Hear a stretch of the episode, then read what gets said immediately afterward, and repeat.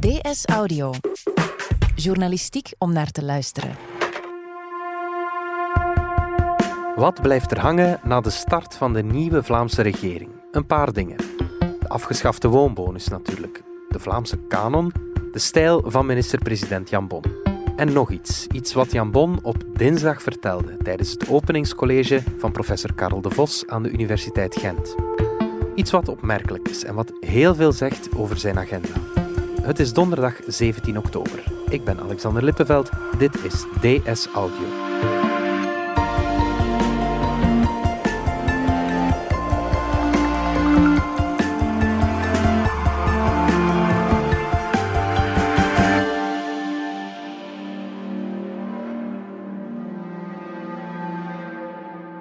Jan-Frederik Abloos, chef Hey, politiek. Alexander. We zitten hier in Gent, in de studio's van radiozender Urgent FM.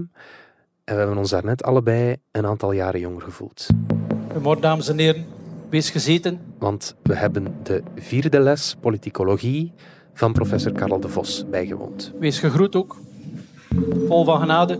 Een iets wat atypische les, zeg maar, want er was een bijzondere gast. De heer Jan Bon is met u.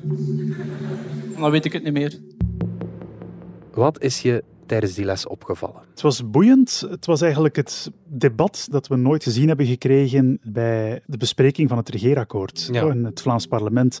Daar is, herinner je, de oppositie collectief opgestapt. Eh, waarna je een schijndebat had. En hier in Gent is Jan Bon eindelijk wel geconfronteerd toch met de keuzes die hij maakt in dat regeerakkoord en de insteek daarvan. En eh, ja, professor Karel de Vos en Jan Jan Bon hadden blijkbaar zin in een herkansing. Ik denk dat het ook belangrijk is om eh, in dialoog te, te gaan. Eh, ik zou zeggen, de gewone Jan met eh, de studenten die, die jullie allemaal zijn, om in dialoog te gaan.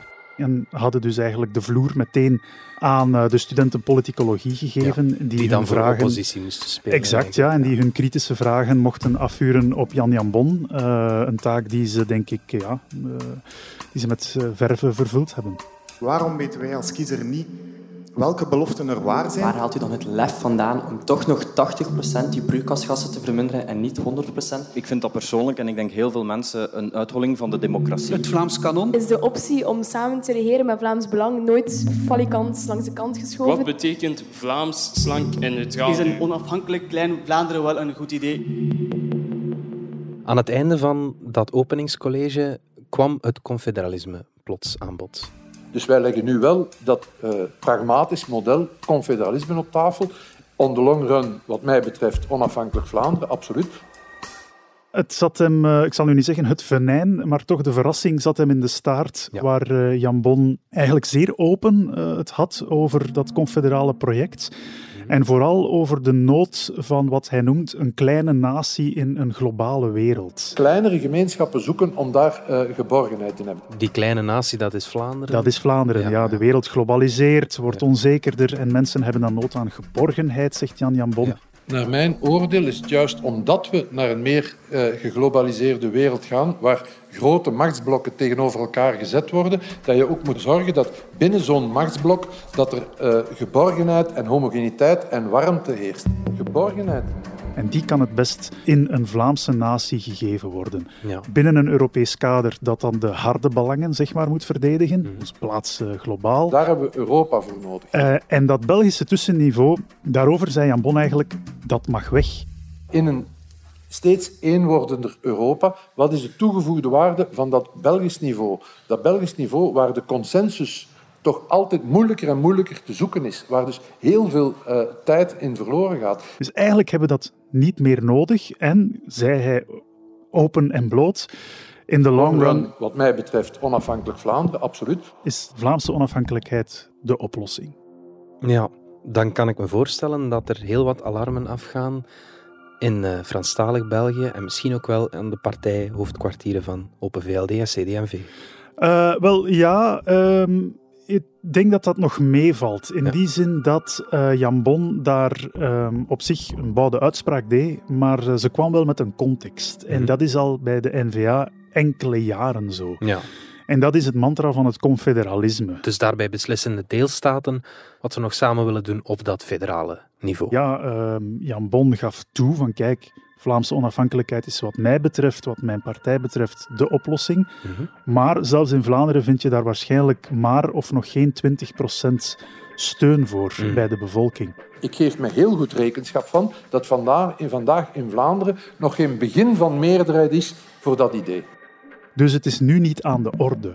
En dan is het confederalisme iets wat ehm, ja, de NVA presenteert als tussenoplossing, maar voor wie er mocht aan twijfelen, is wel duidelijk geworden vandaag dat dat maar een tussenoplossing is wat Ja. de NVA betreft. En dat is wel iets, denk ik, dat zal eh, genoteerd worden, vooral in Ja. Waalse partijhoofdkwartieren, om de PS eh, eh, niet specifiek te noemen. Ja, was dat dan niet al langer duidelijk dat dat voor NVA een tussenoplossing was? Ehm, voor wie die partij volgt, wel. Eh, en voor wie naar lezingen gaat van Theo Franken, eh, ook. Maar de partij is er wel wat eh, bekwaam in geraakt om daar toch wel wat mist over te spuien. Eh, in volle campagne bij de presentatie van zijn boekje over identiteit zei Bart de Wever van ja, die, dat confederalisme dat is geen trein die een andere trein verbergt, dat is een eerlijk bod. En wij zijn bereid om dat een eerlijke kans te geven. Ja. Als je vandaag Jan Jan Bon hoort, ja, dan hoor je eigenlijk dat dat confederalisme een beetje een, een, ja, een soort van zwaktebod is waar de NVA voorlopig genoegen mee neemt. Was Bart de Wever tevreden, denk je, toen hij dat hoorde? Dat Jan Jan Bon dat toch wel expliciet zei, van in de long run willen wij een onafhankelijk Vlaanderen? Ik denk het wel, omdat het eigenlijk wel de bedoeling is, de opdracht van Jan Jan Bon, om uh, de geesten, laat ons zeggen, wat te bewerken, te masseren richting uh, onafhankelijkheid. En dat is eigenlijk ook wel een beetje de rode draad doorheen dat Vlaamse regeerakkoord. Los okay. van alle besparingen en, en, beleidskeuzes, die allemaal zeer belangrijk zijn, zie je ook dat daar een onderstroom in zit uh, die heel duidelijk gericht is op het kweken van wat je mag noemen een Vlaamse mentaliteit mm -hmm. uh, bij de Vlamingen. Ja, zie je dat in de bevoegdheden of in de invulling van die bevoegdheden? Um, ja, je ziet dat in verschillende zaken, maar zeker ook in de bevoegdheden. Bijvoorbeeld die keu de keuze om een minister van Justitie te hebben. Ja, dat is wel um, de Mier. Ja, inderdaad. Het was een, is een totaal nieuwe titel. We hadden tevoren geen minister van Justitie. Um, en terwijl justitie is natuurlijk een, een cruciaal departement, ja. zeker voor, laten we zeggen, law and order partijen zoals de NVA, maar ook Open VLD. Mm -hmm. Het feit dat men dat nu echt expliciet um, op dat Vlaamse niveau wil gaan invullen, men dat veel assertiever wil invullen. En dat staat ook zo expliciet in het regeerakkoord, de bevoegdheden die men heeft, daar wil men meer gaan mee doen. Zijn er nog symbolen waarin je dat ziet, die, dat, dat streven naar dat sterker Vlaanderen? Ja, ja, zeker. Je hebt, en daarover is natuurlijk al veel gezegd en geschreven, het Vlaamse kanon. De Vlaamse kanon. Daar wordt een beetje toch wel een karikatuur van gemaakt. Je zag dat Jan Bon dat een beetje relativeerde hier. Hij zat ja. natuurlijk bij een universiteit, maar hij zei, ja, het is niet de bedoeling dat wij als politici een lijst opstellen van alles wat je moet kennen over het verleden. Er zijn heel veel karikaturen over gemaakt. Sinds dat uitgelekt is van de Vlaamse kanon, is Erik Meijnen ons allemaal zelfs als ridders beginnen uh, kleden en Gwendoline Rutte als jonkvrouwen. We gaan niet de gulden sporenslag uh, maken tot iets uh, wat het niet is. Dus het is echt niet de bedoeling. En het is uiteindelijk aan een onafhankelijke commissie van academici om dat in goede banen te leiden. Ja. Wij gaan ons daar niet mee moeien. Ja. Hetzelfde met de VRT en de missie van de VRT om ook daar uh, de Vlaamse identiteitsvorming toch wat te schragen. Dat staat ook zo in het regeerakkoord. Ook hier weer moeten we geen karikatuur van maken. Dat is niet de bedoeling dat hij om het uur de Vlaamse leeuw uh, speelt op de, op de radio en in dingen. Uh, ook daarover um, was Jan Bon een beetje, ja, een beetje coulanter. Dat hij zei van ook wij gaan niet bepalen wie er in de zevende dag moet zitten of in de afspraak. Wees gerust, wij gaan ons echt niet moeien met hoe dat de VRT zijn panels moet samenstellen. Maar het is toch duidelijk dat de VRT werkt met publieke middelen in een Vlaamse omschrijving. Maar op het globale niveau moeten we wel zien dat alle opinies in het land min of meer proportioneel aan bod komen. Dus um, ja, ook daar hoor je toch, mag die zender een tandje bijsteken. Vlaams, slank en neutraal, dat is de opdracht van de VRT. Dat is de opdracht van de publieke zender. Dus het wordt allemaal een beetje gerelativeerd. Ik denk dat geen ene journalist zich in een keurslijf laat, uh, laat zetten door, door, uh, door politici. Maar de marsrichting, ja, die is, wel die is er wel. Ja, ja exact. Ja, ja. Hij relativeert dat dan, maar is het dan zo moeilijk om daar echt helder in te zijn als minister-president? Wel, het ligt gevoelig. Hè? Dat is, hij zit met een open VLD uh, dat uh, voorbije jaren eerder, laten we zeggen, Belgicistischer is gaan denken, of toch uh, op het hoofdkwartier. Ehm, dus daar moeten compromissen gevonden worden. Ook het benadrukken van die Vlaamse identiteit is iets waar bij wijze van spreken een Bart Somers ja. uh, dan meteen een halve paniekaanval krijgt als hij dat hoort. Um, ook daar heeft Jan Bon, je merkt dat hij daar toch wel respect heeft voor dat compromis. Uh, wanneer hij dan de vraag krijgt, ja, wat is die Vlaamse identiteit nu? Ik kreeg die vraag trouwens ook letterlijk, hè? wat is die Vlaamse identiteit? Ja. Uh, dus mijn vraag is kort, wat is voor u de definitie van een Vlaamse identiteit? Het antwoord zal iets langer zijn. Het was nog maar vijf minuten dat we hadden. Ja. En dan komt hij met een opvallend antwoord. Dus uw, uw, identiteit is natuurlijk een lasagne in meerdere geledingen. Onze identiteit is als een lasagne. Ja, dat viel ook op, omdat ja. dat is eigenlijk bijna een standaard antwoord dat je eerder verwacht van bijvoorbeeld een Bart Somers. Ja. Die meerlage identiteit. Identiteit is ook niet iets dat je kan vastklikken.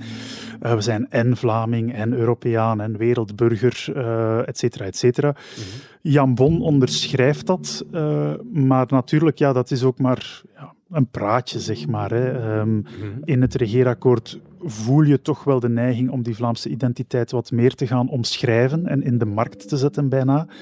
Maar um, ik denk dat Jan Bon ook wel beseft dat hij daar bij wijze van spreken niet al vendelzwaaiend uh, de legislatuur door moet gaan. Nee. Uh, daar zal toch wel altijd moet over, moeten over gewaakt worden dat vooral Open VLD uh, mee is met dat verhaal en dat het een voldoende liberaal verhaal blijft. Ja met naast... Um, met de persoonlijke identiteit. Exact, ja. Naast ja, het benadrukken ja. van die collectieve identiteit, ja. dat er nog altijd heel duidelijk respect is uh, voor het individualisme. Ja.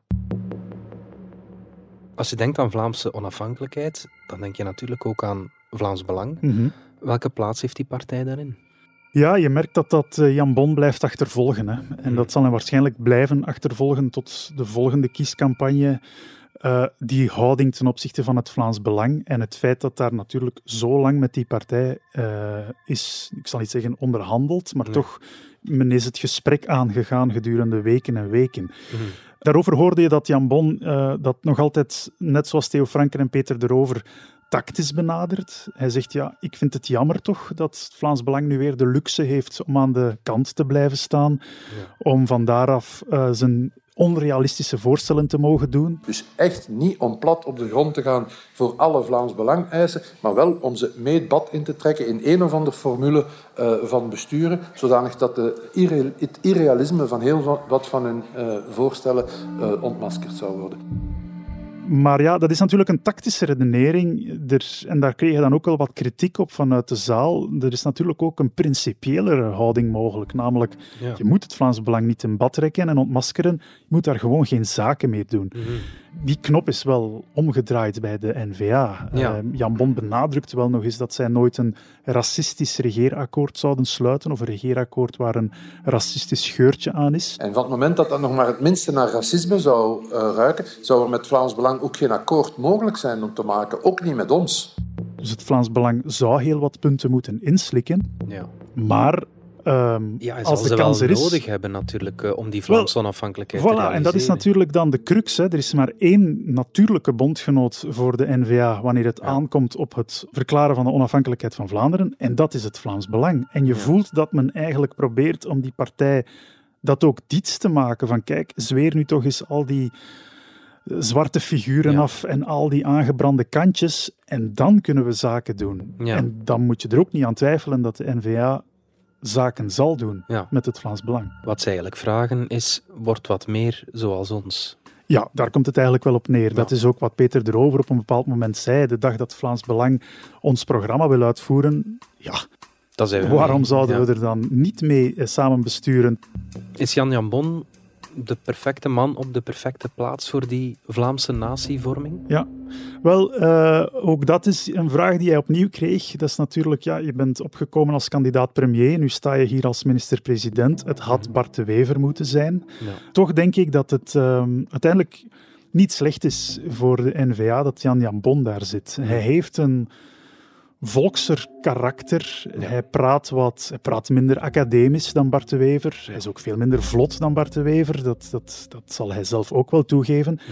Hmm. Toch maakt hem dat ergens, denk ik, ook aanvaardbaarder. Als hij begint over de Vlaamse identiteit, die Vlaamse kanon uh, of de rol van de VRT, hoewel hij een echt wel hardcore Vlaams nationalist is, toch komt dat niet drammerig over. Of daar, je hebt niet het gevoel dat je naar een soort van profeet van het Vlaams nationalisme aan het luisteren bent, alhoewel dat Jan Jan Bon dat in het diepst van zijn gedachten ja, wel is. Tuurlijk, ja, ja. Heeft Jan Jan Bon die toch wel kritische studenten kunnen overtuigen?